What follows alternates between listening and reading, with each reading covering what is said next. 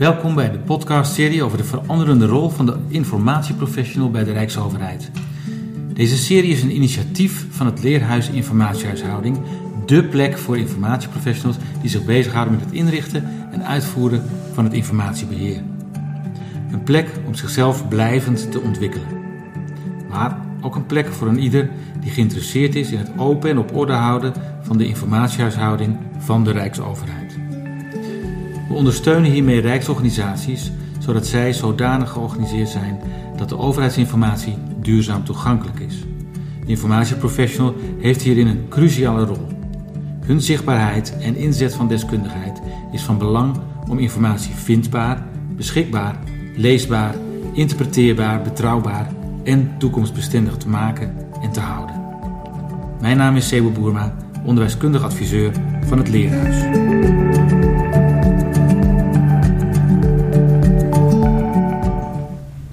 We zitten hier bij het Nationaal Archief. Uh, kijk naar buiten en zie ik allemaal stijgers staan. Dus het kan zijn dat we af en toe nog wat uh, geluid op de achtergrond horen van de verbouwen van het Nationaal Archief. Nou, mooiere context kun je eigenlijk niet bedenken als je denkt dat het gaat over veranderende rollen. Uh, hier wordt ook al veel veranderd. Ik zit hier aan tafel met uh, Nathalie Godet, Jet van Galen en Marco Borst. Marco Borst en Nathalie Godet zijn onze gesprekspartners hier. Jet van Galen is ambassadeur van het Leerhuis. Uh, maar het is goed ook om jullie stemmen nog even te horen, zodat je weet wie bij welke stem hoort. Uh, dat jullie jezelf even kort voorstellen. Nathalie, mag ik bij jou beginnen? Ja, uh, aangenaam. En ik ben Nathalie Godet. En ik ben hier vandaag vooral vanuit mijn achtergrond als kunsthistorica. Maar werk ook toevallig bij het Nationaal Archief als ambassadeur. Um, ambassadeur, eigenlijk als adviseur, sorry. Jet, ik nee, wil meteen... Je mag best ambassadeur Ik voel me ook ambassadeur. nee, als uh, adviseur voor uh, de zakelijke dienstverlening. Heel goed. Jet van Galen, ik werk bij Rijkswaterstaat binnen de afdeling Digi, ja, bij, de, bij het programma Open op Orde zo moet ik het zeggen, als adviseur leren en ontwikkelen. Um, en ben in die rol ook ambassadeur voor het leerhuis. Ja. Nou, dat sluit dan aan uh, bij mij. Ik ben, uh, Marco Borst en ik uh, ben programmeur. Ik schrijf software en heb een hele grote interesse in lange termijn software en ook wat software voor ja, de samenleving betekent en de veranderingen die dat geeft. Dus ja, uh, dank voor de uitnodiging. Ik vind het super gaaf om hier te zitten. Ja, nou leuk dat jullie er zijn. Uh, ja, je zegt dank voor de uitnodiging. jullie hebben je min of meer zelf uitgenodigd. Hè? Ja, dat klopt. Wat heel fijn is. daar hou ik van. Um, dus dat is helemaal... Maar het is wel even leuk om te, uh, te vertellen. Wat denk je van, ja, waarom moesten we met jullie in gesprek? Um, je had een uh, oproep gedaan over uh, een podcastserie Geloof in Techniek. Mhm. Mm -hmm. En wat de rol van e-professional daarin zou, zou, ja, welke vorm dat zou gaan krijgen. En um, ik, ik had meteen een inspire inspirerende gedachte in verband met kerst en de periode van licht. Um, want uh, ja, binnen het Nationaal Archief, zoals ik al zei, ik ben kunsthistorica. Um, en ik weet dat uh, als mensen horen Nationaal Archief, dat ze dan denken aan papieren documenten. en we hebben trouwens ook een prachtige fotocollectie. Waarvan overigens nu een hele mooie tentoonstelling is geopend van vrouwelijke fotografen. Serieus, ga dat zien. Ik maak geen reclame. Um, maar uh, er is een relatie uh, met fotografie uh, in een vernieuwende techniek die ook de basis heeft in fotografie. En dat vind ik fascinerend vanuit mijn kennis als kunsthistorica. En ik ben dan heel erg benieuwd welke mogelijkheden deze nieuwe techniek die uh, holografische dataopslag heet. Wat dat voor kansen biedt voor juist ook weer zoiets als het archiefveld en informatiehuishouding. En vandaar dat ik, ik heb er geen kennis van, maar vandaar dat ik uh, ook Marco heb gevraagd om samen met mij uh, ja, jullie te benaderen voor deze podcast. Marco is een programmeur die in veel programmeertalen bekwaam is. En ook zich heel erg verdiept in die nieuwe technieken. En heel erg goed kan uitleggen wat, ja, wat zo'n nieuwe ontwikkeling als holografische dataopslag, wat dat zou kunnen betekenen voor, eh, voor ons als e-professionals. Ja, ik denk dat dat wel een goede brug is inderdaad. Want kijk, ik ben op een gegeven moment ben ik programmeur geworden. Omdat eh, software is denk ik een van de abstractere, maar ook interessantere uh, gebieden waar altijd mijn interesse heeft gelegen. Maar van oorsprong ben ik uh, opgeleid als elektrotechnisch ingenieur. Dus ik heb vroeger nog heel dicht gestaan bij wat zijn eigenlijk computers, wat is opslag, waar ligt geheugen en waar ligt verwerking. En um, inmiddels heeft de digitale wereld heeft uh, zoveel verandering doorgevoerd dat dat heel dicht bij ons is gekomen. En dat zie je onder andere ook in uh, de echte puur feitelijke fysische opslag. En we kunnen ons allemaal nog de magneetbanden voorstellen. Of uh, we kunnen ons nog herinneren, misschien zelfs hoe er ringkerngeheugens vroeger werden gebruikt. Maar al die zaken zijn voortgekomen vanuit de wetenschap. En daar ligt eigenlijk mijn echte interessegebied. Het overgang van de wetenschap naar de toepassing. En ook dat dat dus altijd een vorm van opleiding en overdracht van kennis van de ene wereld in de andere wereld uh, geeft. Nou Zo'n podcast als deze uh, bracht eigenlijk alles heel erg mooi samen. Want we zitten dicht tegen het moment waarop kerst wordt gevierd en we denken over licht. En dat geeft ook bepaalde mogelijkheden tot reflectie te hebben over een langere periode. Dus dit is precies zo'n moment om eens één onderwerp, uh, zoals bijvoorbeeld holografische dataopslag, uh, wat, wat nader te belichten en dan in realiteit te bepalen of dat het al echt een toepassing heeft in de fysieke wereld zoals dat wij die allemaal met ons elkaar kennen. Mm -hmm. Of dat het zich eigenlijk nog meer bevindt net aan de andere kant van de lijn in de wetenschap. En misschien zijn we wel te enthousiast gemaakt met uh, al die video's die we zien op uh, YouTube, waar ons eventjes in vijf minuten uitgelegd kan worden hoe het soms zit met zaken waar mensen misschien wel twintig jaar tijd en energie in zullen moeten steken om echt te begrijpen hoe dat werkt en of het zelfs wel toegepast kan worden. En dan heb ik weer zo lang gesproken dat op dat moment mijn hoofd een klein beetje leeg zit. En ik het best plezierig vind als er een ja, zeker. vraag wordt gesteld. Dat gaan we zeker doen. Um, ik, ik, wil het zo graag met je hebben over wat is dan holografische dataopslag. Uh, Voor mij was het in ieder geval een nieuw begrip toen ik het, uh, toen ik het hoorde uh, vorige week. Um, en we willen natuurlijk ook gewoon kijken naar wat betekent dat dan voor die rol van de informatieprofessional. Hè? En in hoeverre heeft dat invloed op elkaar. Uh, jij gaf in het voorgesprek al even aan van het is een soort kapstok voor mij, hè, die holografische dataopslag. Dus het gaat over meer dan dat. Uh, maar laten we maar eens even beginnen met die holografische dataopslag. Wat dat nou precies is eigenlijk. Ja, holografie. Uh, we kennen het woord waarschijnlijk van de holografische foto's die we vroeger konden kopen in de echte wereld. En ja, wat holografie eigenlijk betekent is, je hebt een, um, je haalt een dimensie weg en je voegt een dimensie toe. Wat bedoel ik daarmee? Ja, als wij rondkijken, dan zien wij een driedimensionale wereld. Maar zo'n holografische foto, dat is een platvlak, dat is een tweedimensioneel object. En toch, als we daar onder een verschillende hoek naar kijken, dan zien we een driedimensionaal begrip. Het is jammer dat je het niet kunt zien, want Marcus het ondertussen kan demonstreren. en het leuke daarvan is dat betekent dus eigenlijk dat het hele driedimensionale object in elk puntje voor moet komen op het tweedimensionale foto. En afhankelijk van de hoek waarmee je naar puntjes kijkt, verandert die informatie en toont jou voor die hoek een driedimensionaal object.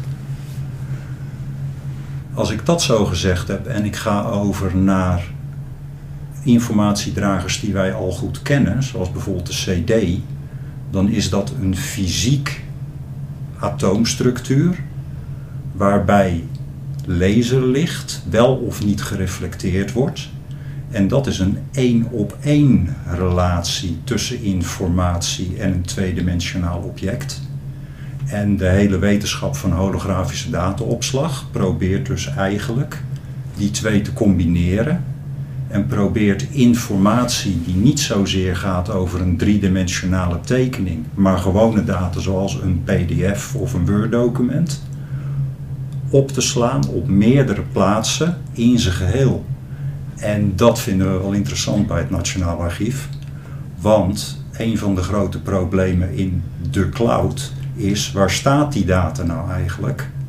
En dit zou een potentiële mogelijkheid geven om die data al in de fysiek op meerdere locaties op te slaan. En opeens ook ingenieurtechnische, wetenschappelijke, maar ook eigenlijk mathematische zekerheid te kunnen geven over hoe zeker is dat dan dat we die data nog echt hebben. Als een paar van die puntjes in de foto, om de metafoor door te zetten, verdwijnen. Ja, dus eigenlijk zeg je, de informatie is een dimensie die we nou ja, op andere, meerdere plekken kunnen gebruiken. Ja, En, hoe zo, en die, die ook een andere waarde op verschillende plekken heeft. juist. Maar je wil dat de informatie wel ergens zit Ja. en niet verandert. Ja, Maar wel op verschillende momenten, in verschillende tijden, in de toekomst nog beschikbaar is. ja. En dat lijkt heel erg eh, abstract en moeilijk. Maar zelfs met zoiets als de gewone fysieke tekeningen en een fotocopie, als je een origineel document hebt handgeschreven en je maakt daar een kopie van, en dat is dan niet meer het origineel, maar nou heb je ze toch nog allebei. En wat holografische dataopslag eigenlijk probeert te bereiken, is dat principe samen te voegen in dat als je een kopie maakt, is het niet alleen het kopie, maar het neemt ook een stukje van het origineel mee.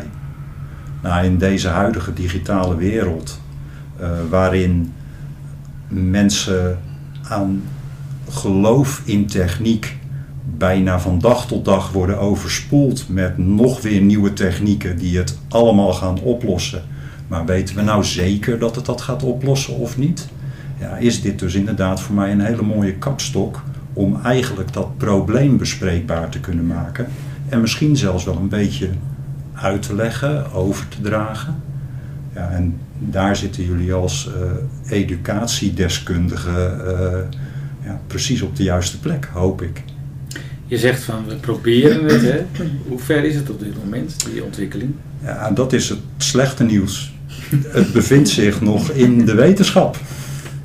Het, het is nog niet gekruist naar de grens van toepassing op eenzelfde manier als dat wij iPhones toepassen, maar vroeger bijvoorbeeld bandrecorders of eh, eh, videocamera's toepasten. Het zit precies op dat randje. Eh, een groot onderzoeksinstituut wat commercieel is, maar ook wetenschappelijk, zoals bijvoorbeeld eh, IBM Labs. Ja, die houdt zich ermee bezig. Maar dat is nog hetzelfde niveau als ehm, kerncentrales op basis van fusie in Mm. plaats van op basis eh, van tegenovergestelde van fusie. En wat is er nodig om zeg maar, een wat grotere stap te kunnen maken naar die praktijk? Ja, dat is een hele interessante, want die werelden die zijn bijna fundamenteel verschillend. Je zou kunnen zeggen dat er een grote schism is tussen de wetenschap en de toepasbaarheid in de industrie en de samenleving. En die schism die is eigenlijk alleen maar aanwezig in termen van wat in vormen van opleiding overgedragen kan worden.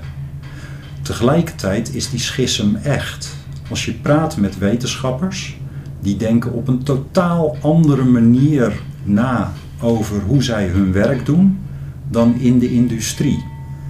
En het belangrijkste in de wetenschap is, je moet het tijd geven. Want de vraag is er een van het type, er is nog geen antwoord.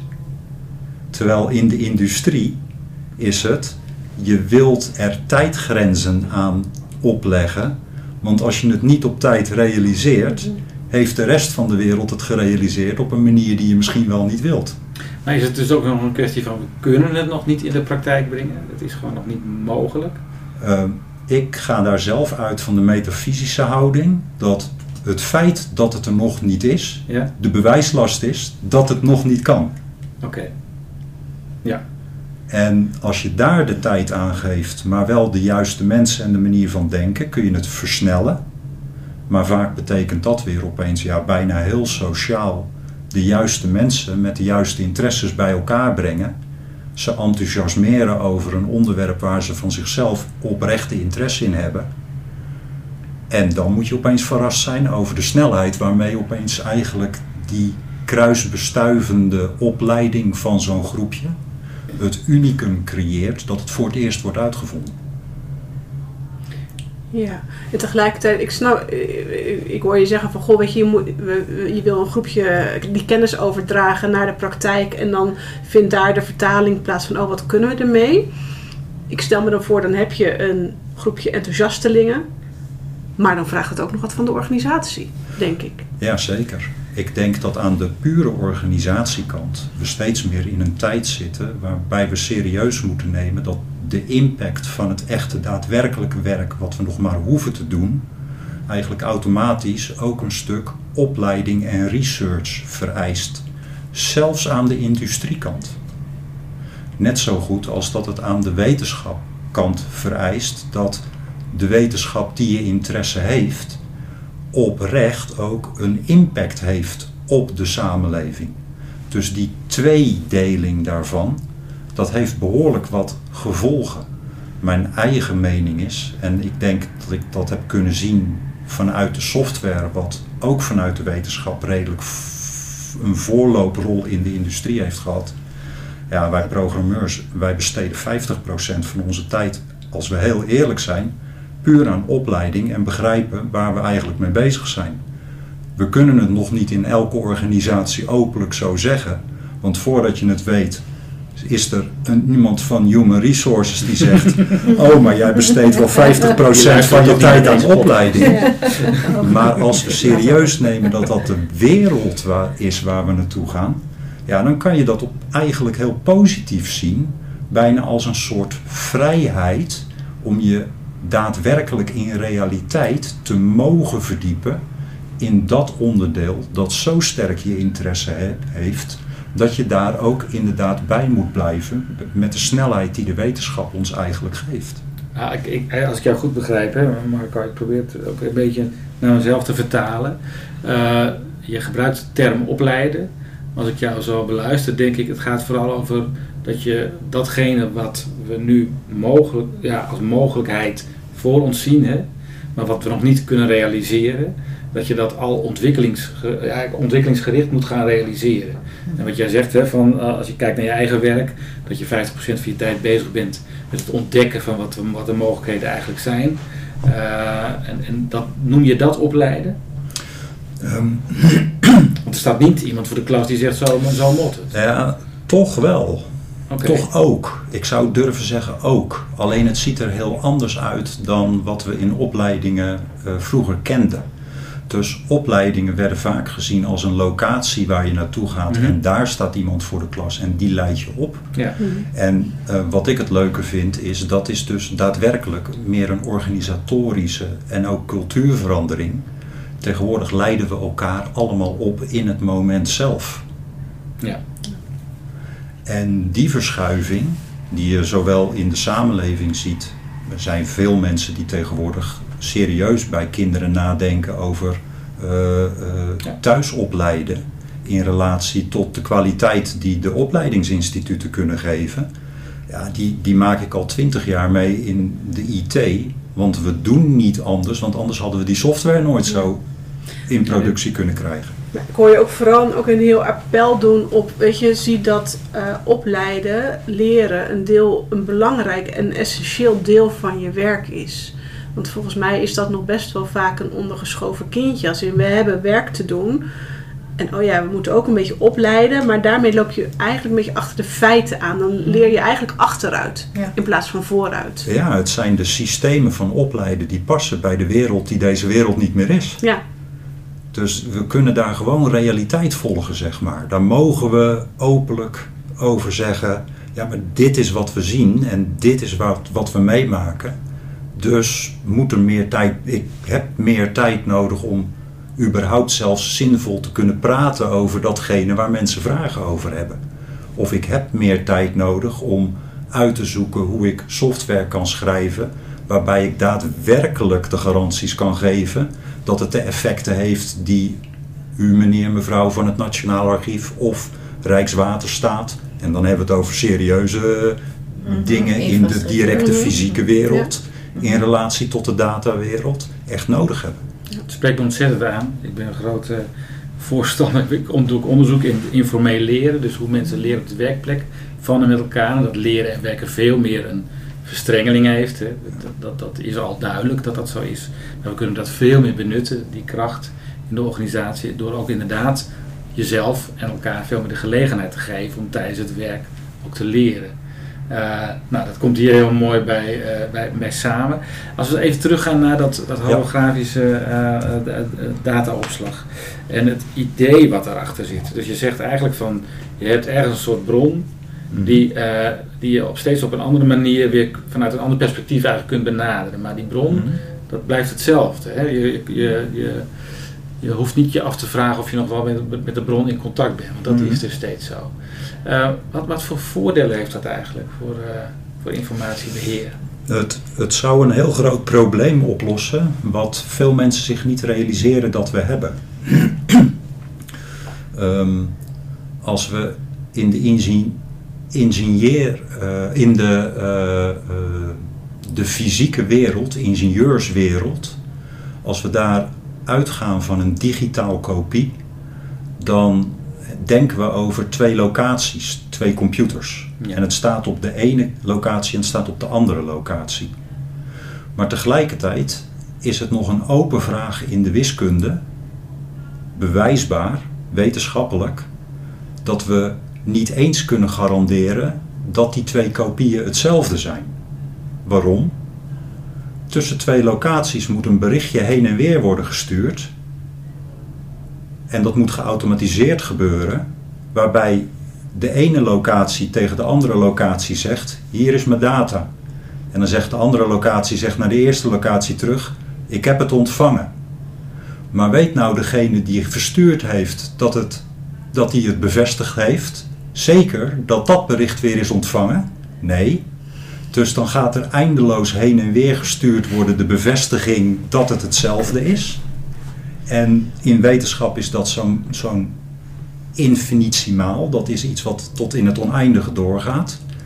En dus terwijl wij denken, en hier komt mijn grote punt altijd, oh het staat veilig in de cloud.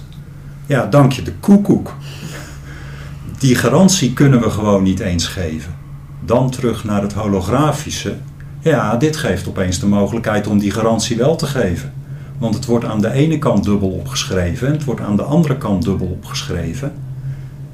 En nou weten we zeker dat het op twee locaties met kopie aanwezig is. Wat we daar weer mee kunnen doen is garantiezekeringen geven, wat ze noemen zelfcorrigerende data. Als ik een document heb en dat document daar staat tekst op, dan kan ik dat document kan ik door een functie heen halen. Dat is een wiskundige functie. En dan voeg ik een klein beetje extra data toe. En die data is in staat om, mocht er iets fout gaan met dat document, dat document te corrigeren. Nou, dat is wel een wetenschappelijk al bewezen dat dit kan. En opeens hebben we wiskundig de garanties voor de data. En als dan in de Nederlandse wet opgeschreven staat dat we iets 50 jaar moeten bewaren omdat het daarna pas openbaar gemaakt kan worden. Ja, nou durf ik er mijn handtekening wel onder te zetten en het ook in productie te brengen. Ik doe het op dit moment ook, maar dat vertellen we nog eventjes niet aan de samenleving. Bij deze dan. Oké, duidelijk. Ehm, het is, het is een, een- een- inderdaad een podcast goed geschikt voor de kerst. Om eens even rustig naar te luisteren en nog eens een keer te herbeluisteren. Ehm, wat betekent dit voor de informatiebeheerder zelf eigenlijk? Als je dit zou doorvoeren. Wat, wat, wat, wat voor vraagt dit van, van informatieprofessionals die bezig zijn met het opslaan van informatie? Nou, De inhoudelijke informatie Dus de mensen die uh, betekenis geven aan wat voor informatie het dan ook is. Mhm.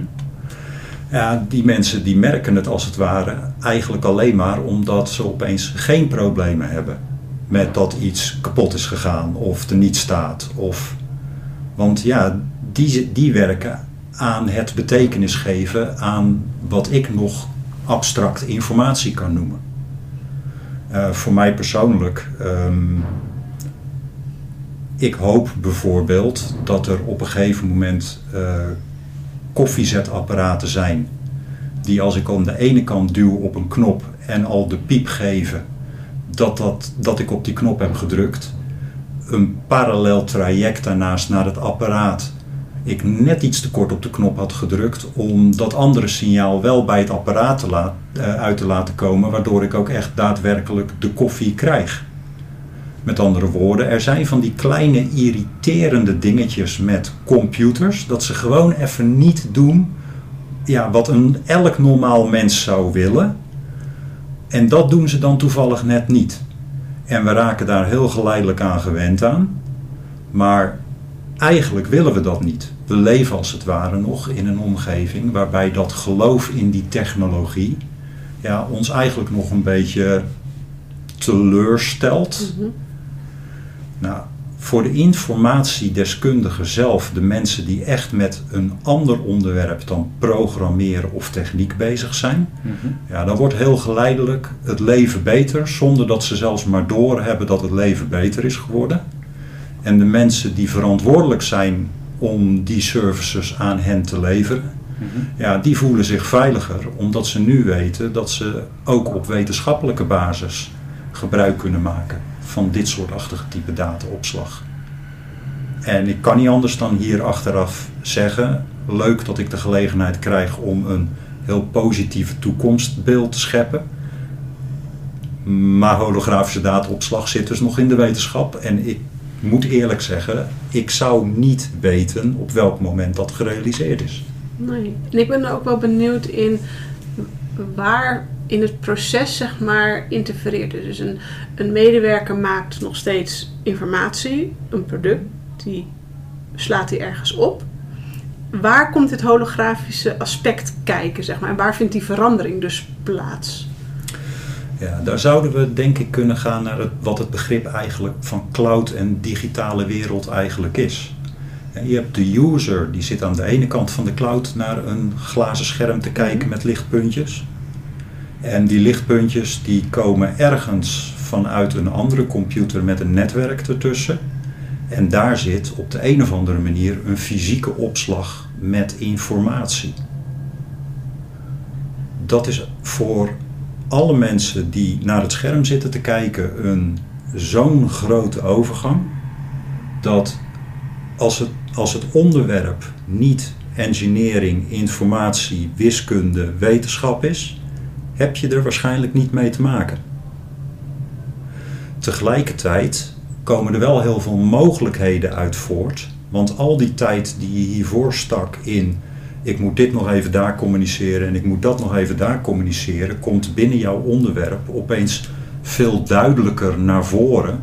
Dus inhoudelijk krijg je waarschijnlijk veel meer inzicht in precies de, de vakmaterie waar de informatie over gaat. Het realiseren van de andere kant, ja, dat is van zichzelf begint dat een onderwerp te worden, denk ik. Dus daar zou ik over kunnen gaan naar een flow die veel meer samenlevingachtig is. En we veranderen steeds meer naar mensen die gewend zijn aan het feit dat digitale eh, informatie, eigenlijk alle informatie, al onvertegenwoordigd, overal tegelijkertijd dezelfde informatie kan zijn. En dat is dus inderdaad precies wat programmeurs en IT'ers eigenlijk al 25 jaar meemaken. Want die hebben daar als het ware een voorloper op gehad. Dus daar zouden de mensen die de materiedeskundigheid hebben over bijvoorbeeld zoiets als organisatie, gewoon eens heel goed kunnen kijken, historisch gezien, naar hoe heeft dat eruit gezien onder de programmeurs en de wetenschappers. Want misschien gaat mijn eigen wereld, organisatie, zich wel veel organischer vorm krijgen dan dat we oorspronkelijk hebben gedacht vanuit eh, veel meer statische structuren. Ehm, en hier ga ik een disclaimer bij zetten, want uh, zoals dat mijn gedachten werken, praat ik in een rent. Dus verzin ik ter plaatse het antwoord op de vraag die je stelt. Maar super gave vraag. wat, wat voor rol kunnen informatieprofessionals nou spelen in het verder brengen van die ontwikkeling? Ja, dan, dan, dan, dan neem ik het woord. Ja, graag. Ik, ik denk dat dat het juist is. Uh, uh, het, um, de, de samensmelting van die creativiteit en die technische, uh, technische hoek. Het, het, nieuwsgierig zijn, het openstellen naar inderdaad mensen zoals Marco. En met ze in gesprek gaan. En ook pleiten, een lans breken voor de kennis en de meerwaarde die zij kunnen toevoegen aan het werk wat bijvoorbeeld mensen hier bij het Nationaal Archief doen. Um, en, en samen eigenlijk in een experimenteel lab gaan, gaan kijken van wat kunnen we nou met elkaar vanuit ieder onze, onze vakkennis, onze specialisme. Hoe, ja, je zou bijna zeggen een speeltuin, maar hoe kunnen we nou een, een, synergie met elkaar uh, gaan bewerkstelligen om tot in feite wat jij vertelt, Marco, die nieuwe wereldorde binnen, binnen organisaties te bereiken. Um, en ja, het, het doet mij denken. Ik vond uh, de holografische dataopslag vond ik interessant vanuit de kunstgeschiedenishoek, omdat er uh, rond 1850 natuurlijk die, met de uitvinding van de fotografie er een nieuwe discussie opleidde tussen schilderkunst en fotografie. men kent het door de eeuwen heen als de Paragone-discussie, waarin er altijd een wedijver was tussen de hoogste vorm van kunst. En het mooie, uh, ik vind dat een heel mooi concreet voorbeeld om aan te geven hoe e-professionals en uh, ja, uh, specialisten zoals Marco, maar ook vanuit het archiefveld bijvoorbeeld nader tot elkaar kunnen komen. Want in het begin met fotografie voelde de schilderkunst zich enorm bedreigd. Um, en, en ging men argumenten verzinnen van waarom is het ene beter dan het ander. En in de schilderkunst werd dan bijvoorbeeld het argument aangedragen: ja, maar wij, wij kunnen engelen schilderen. Ook weer even om in het kader van kerst en, en licht te blijven. Wij kunnen engelen, engelen schilderen. En uh, de fotografie, ja, die kan slechts de realiteit verbeelden. Ja. Maar ja, tegelijkertijd is, als je kijkt naar de collectie van het Nationaal Archief met fotomateriaal, is een foto heel erg nodig om terug te kunnen kijken, om, om de historie te reconstrueren. En je ziet dat naarmate de tijd verglijdt, fotografie ook in hun ontwikkeling eigenlijk die schilderachtige uh, uh, kenmerken, ja, die, die willen ze eigenlijk wel overnemen. En je krijgt daardoor krijg je bijvoorbeeld schilderijen die bijna foto's zijn. Hè? Schilders die, die voelden mm. zich zo uitgedaagd dat ze schilderijen gingen schilderen alsof het foto's waren. Maar tegenwoordig, zeker met uh, de ontwikkeling van AI bijvoorbeeld, heb je foto's die niet meer van echt zijn te onderscheiden. Nou, die, die mengvorm, dat je eigenlijk elkaar uh, verrijkt, die kruisbestuiving, dat is uh, waarvan ik van overtuigd ben dat mensen met kennis zoals Marco van programmeren van, van computers, samen met bijvoorbeeld het archiefveld, daar, daar is nog een wereld aan, aan, aan, aan mogelijkheden volgens ja. mij. Die wij ons bijvoorbeeld misschien niet eens kunnen voorstellen. Vandaar ook die, die holografische data. Dat ik denk, ja, we denken nu heel erg in, uh, in bits. En in, ja, moeten we bijvoorbeeld openbaar maken? Hoe kan je het inzien? Hoe kan je, hoe kan je de informatie wel of niet veilig opslaan? Gaat het misschien verloren? Terwijl als Marco met, met, met een archief, archivaris gaat zitten. En ik heb het idee dat daar misschien een heel nieuw product uit zou kunnen komen. Waarvan je nooit had gedacht van nou, dat heb ik eigenlijk nooit zo bekeken. Maar we hebben eigenlijk helemaal geen computer misschien nodig. We hebben alleen maar de, ik noem maar wat, uh, kleine name tags. Of, of, een, of een holografisch plaatje nodig. En dan kan je het gewoon al, heb je de data. heb je al voor altijd ja, ik, ik, uh, ik kijk met heel erg veel plezier uit naar zo'n toekomst. Ja. Waarin we met elkaar, elkaar verrijken. En je uitnodiging naar de- e-professionals in dit geval is dus vooral ook kom en Ja. eh, ga in gesprek met, eh, Ja, met elkaar en met Marco en met anderen die daarover na aan het denken zijn. Is het, is, kun je dat concreet maken? Is het, is het bij wijze van, is het mogelijk dat ze zeggen, nou ik, ik bel morgen? oeh. Ja, Nou, ik zou zeggen van wel. Ik bedoel, ehm, dat is het mooie. Kijk, de kennis is er al. Eh, ik denk dat het vooral ligt aan de wil. En ook weer even daarin de, de, de, de kaders met elkaar loslaten. Dat je een organisatie bent die eh, eh, bijvoorbeeld eh, gespecialiseerd is in auto's. En je bent eh, iemand die eh, heel erg goed eh, computerprogramma's kan maken. Ga gewoon met elkaar zitten. En, en, en maak de ruimte om je vragen te stellen. En ook om elkaar de ruimte te gunnen om te zeggen, nou dan gaan we gewoon even zonder kaders, even wild fantaseren met elkaar. En ik weet zeker dat daar dan weer iets nieuws uitkomt. En welk soort mensen moet ik dan uitnodigen? Stel ik zeg, kom, bij Rijkswaterstaat, vinden we interessant. Wie zouden jullie dan graag aan de andere kant van de tafel willen zien? ja ik, ik laat ze zichzelf selecteren door hun interesses. Dus als, als ik opleiding geef, eh, dan wil ik de bewijslast eigenlijk zien zonder dat ik een aanbieding heb gedaan. Dus ik geef een context van een onderwerp. En daarna accepteer ik dat als het er één is, dan maakt het niet uit. Dan geven we er één een opleiding voor een jaar. Maar ik merk dat er meer en meer en meer en meer mensen daar geïnteresseerd in zijn. Omdat schijnbaar meer en meer mensen zich beginnen te realiseren dat ze vragen hebben waar ze denk ik serieus in moeten nemen dat ze zelf er geen antwoord op hebben en aan iemand anders moeten vragen wat ze dus zelf nog niet precies begrijpen. Ja, die snap ik. Want daarmee zoek je mensen die, ergens een plantje, zaadje hebben van... Oh wacht, dit zou voor mij interessant kunnen zijn. Ja. Die snap ik. Maar vervolgens ben ik op zoek naar wat kan het vliegwiel zijn. Hè? Wie, wie moet je nou als community bij elkaar zetten om dit te laten vliegen? Als je zegt, we willen echt die stap van de wetenschap naar de praktijk maken... dan heb je zo'n community nodig. Ja, nou, eh, het mooie is, ze zijn er dus al. Zeg maar, die communities zijn er. Je kunt ze echt letterlijk zelf opzoeken. Dus dan, hè, dan ben ik niet degene die selecteert, maar dan ben ik degene die geselecteerd wordt. Ja, dan ga ik gewoon naar alle conferenties en ik ga naast de professoren staan die ik zelf mijn helden vind. En de ene die legt me even binnen twee seconden uit waarom ik dom ben. En de ander eh, daar eh, wordt in, eh, op één keer klikt daar één of twee zinnetjes. En met die één of twee zinnetjes kan ik opeens soms wel weer vier of vijf jaar vooruit. Dus het kan ook nog eens super efficiënt. Maar de interesse komt uit de mens zelf. Uit de Ehm, individu zelf. Wat ik ook wel denk, en ik vind het zelf, omdat ik nog uit een heel traditioneel organisatiestructuur kom. Ik ben eh, nog een hiërarchische organisatiemodel gewend.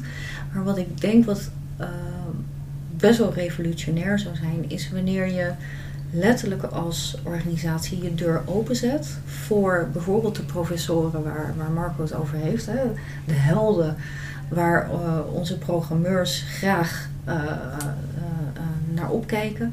En die, ook al denk je bij jezelf, ik ben Rijkswaterstaat, wat heb ik nou met een professor van MIT? En haal hem binnen. En kijk eens wat er gebeurt wanneer je zo'n professor, ook al denk je, nou, ik heb hier vooral uh, werktuig, werktuigbouwkundigen. 100 werktuigbouwkundigen op 5 uh, IT-professionals bijvoorbeeld probeer eens één zo'n MIT-professor binnen te halen. En ik moet eerlijk zeggen, deze gok ga ik uitspreken. Ik denk dat die hele zaal vol zit. Ik denk echt dat mensen willen horen en willen sparren met zo iemand. Van wauw, oké, okay, hoe, hoe, hoe kan je wat jij nu allemaal bedenkt, al je theorieën toepassen binnen bijvoorbeeld Rijkswaterstaat vraagstukken. Mm -hmm. Dat alleen al dat, dat je dat doet als organisatie, ik denk dat je. Uh, uh, dat je dan echt, echt kan gaan spreken van die kruisbestuiving waar we het over hebben. Dat je dan echt die deuren openzet van oké, okay, kom op mensen, we gaan letterlijk koppen bij elkaar brengen. Willen jullie daar als Nationaal Archief een soort voortouw in nemen ook? Oh, nou ja, ik ben. eh, eh, eh, ik, ik, vandaag spreek ik natuurlijk op persoonlijke titel, dus ik ben Mhm. absoluut niet van de, de, de, de, Nee, maar goed, de koers van, van, van Nationaal Archief. En ik moet eerlijk zeggen, ik heb het gevoel dat niet alleen het Nationaal Archief, maar meerdere organisaties al heel voorzichtig op die manier proberen eh, eh, de deuren open te zetten voor eh, kennis uit onverwachte hoek binnen te halen Mhm. en, en uit te nodigen. En dat organisaties eigenlijk in het algemeen gezegd meer ja, denktank-achtige eh, opzet langzamerhand. Dat ze zich daar naartoe aan het vervormen zijn. Dat idee heb ik wel. Maar dat is misschien omdat bij mij altijd het glas half vol is. Nou hebben jullie binnen het Nationaal Archief een innovatielab ook Ja. op het gebied van Ja. informatiehuishoudingen. Ja. Doen jullie daar al wat in? Nou, ik, weet er op, ik weet er op dit moment nog te weinig vanaf hoe het organisatorisch werkt. Mhm. Dus ik ga een ingenieursantwoord geven. Bij de Nederlandse wet, als het niet het Nationale Archief is wat zich zorgen maakt over de informatie die stroomt door de samenleving en de lange termijn houdbaarheid daarvan, Mhm. wie moet het dan doen? nou hebben we een opdracht van het volk. Oh, daar wil ik me wel graag voor inzetten. Mhm. Waar het vandaan komt is waarschijnlijk alle locaties in de samenleving. En daarbij kunnen we het ook weer serieus politieke organisaties nemen. Dan verbaast het me niet dat het bijvoorbeeld de Rijkswaterstaat is. Want ja, dat is me nogal een belangrijke fysieke wereld geweest. Ja. Waarin dat soort achtige eh, opleidingsinitiatieven en kruisbestuivingen tussen ook vreemde eenden uit de bijt eh, naar binnen halen om interessante lectures te geven Mhm. puur vanwege het besef dat de organisatie snapt dat dat soort diversiteitsgedachten nodig zijn om het eigen intellectuele niveau op niveau te houden, maar ook heel levend te houden. Ja, dat, dat, dat, ja, ik zou me daar als Nationaal Archief zo. eh, ik zou dat eh, tegen, mijn, eh, tegen mijn neefjes en nichtjes van 14, 15 met veel trots kunnen vertellen, zeg maar. Ja. Nou, maar ja, kijk, voor, en inderdaad wat jij zegt, Marco, voor, voor Rijkswaterstaat kan ik me dat heel goed voorstellen. Nederland is, is befaamd om droge voeten houden. Juist omdat we hele knappe koppen hebben die ons droge voeten hebben laten houden. Ja, ik kan me, ik kan me voorstellen dat je eh, als organisatie op een gegeven moment, hoe intensief ook, eh, eh, ik, toevallig ook in mijn persoonlijke kenniskring in de medische wereld, die digitaliseringsslag, je, je, je, je begint langzamerhand, begint iedereen dat steeds meer te omarmen van voor bijvoorbeeld de verpleegstersafdeling tot aan de, de, de hersen- en hartchirurgen, nanotechnologie. terecht punt. Het, het, het zijpelt overal door. Dus ja, ook het Nationaal Archief kijkt natuurlijk naar wat de mogelijkheden zijn. Ja, daar maak je een heel terecht punt, denk ik. Want daarbij ga ik het automatisch, verplaats ik mezelf eh, binnen het Nationale Archief. En me- me- mijn boodschap, onze boodschap zou eigenlijk dus juist moeten zijn: hey, het vindt al overal plaats, in alle organisaties. Maar daarbinnen denk ik dat het Nationaal Archief wel degelijk een uitgangspositie heeft, juist vanwege die opdracht en die lange termijn eh, behoud van data. En laten we eerst eens bijvoorbeeld proberen een probleemstelling onder woorden te brengen. Ik zou dat al heel erg lastig vinden, want welk probleem moeten we dan oplossen? Maar als ik er één zinnetje aan zou willen geven, dan is het: weten mensen nog wat er vijf seconden nadat ze naar beneden hebben gescrolld op hun schermpje stond op dat schermpje en nu ergens boven in de cloud hangt? Of drijft alle informatie up into the mists of space and time en is eigenlijk niemand meer geïnteresseerd in wat voor historie er überhaupt wordt opgebouwd? Nou, als we dat als een serieus probleem nemen in de samenleving, ja, dan is het misschien best handig dat het Nationaal Archief een voortouw neemt in precies dat soort opleiding en creëring, bewustzijn te creëren, waar dat aspect, Ja, ja. dat probleem belangrijk is. Ik, ik, ik snap die zeker. Die, die, die, hè, je bent het, letterlijk het geheugen van Nederland. Om, om het plat te slaan is dat je eh, op dit moment staan we voor een grote uitdaging in het algemeen. Maar zeker als je uh, spreekt van het geheugen van Nederland. Um, dat ik generiek zou willen zeggen, als we terugkijken over 50 jaar, waar bestaat het geheugen van Nederland uit? Zijn dat fotokopieën? Zijn het misschien holografische lichtobjecten? Um, uh, zijn het, uh, it, it, is het überhaupt, heeft het nog vorm? Heeft het nog vorm nodig om dat geheugen van Nederland te bewaren voor de toekomst? We moeten naar een afronding toe. Mhm. geen, geen probleem. mooie, mooie filosofische vraagstukken. Ja, ik ben het ermee eens. Jullie leggen twee mooie vragen neer. Hè? Ja. Aan de ene kant van uh, hoe ga je het probleem oplossen wat jij schetst. Ja. Um, en, en eigenlijk als ik hem even terughaal van waar je mee begon. Is van hoe weet je dat je de juiste informatie uh, voor je hebt op het moment dat je hem voor je hebt. Hè? Dus Mhm. dat die betrouwbaar is. Dat is eigenlijk de, de, volgens mij een beetje de kern waar we vanuit vertrokken. Nou, we hebben een, een, een mooie verkenning gemaakt. Um, waarbij ik me ook kan voorstellen dat de informatieprofessional uh, hier een rol in kan spelen, uh, kan meedenken. Maar vooral ook iemand moet zijn die op dit moment nog niet op zoek is meteen naar antwoorden. Maar vooral de, het kan verduren dat je nog even in een wereld leeft waarin je nog niet precies weet hoe het eruit gaat zien. Ja. En dat je daar uh, mee moet kunnen dealen. En dan ben je van harte welkom om met elkaar wat verder te verkennen waar dit ongeveer naartoe zou kunnen gaan. Klopt. Ja. Het is een ver toekomstbeeld, maar ik denk dat dat ook, uh, zoals Kennedy zei, als het uh, niet moeilijk was, waarom zouden we het dan doen? nou, laten we het daarmee afsluiten. Dank je. Als het niet moeilijk was, waarom zouden we ons dan druk gaan maken over holografische data op, opslag? Ik dank jullie hartelijk voor, uh, voor je gesprek. Jullie en ik hoop dat er heel veel mensen zijn die zeggen, we gaan Nathalie Archief bellen. We gaan dus met Marco en met Nathalie in nog, gesprek. ja, nou, dank jullie wel. Heel erg bedankt.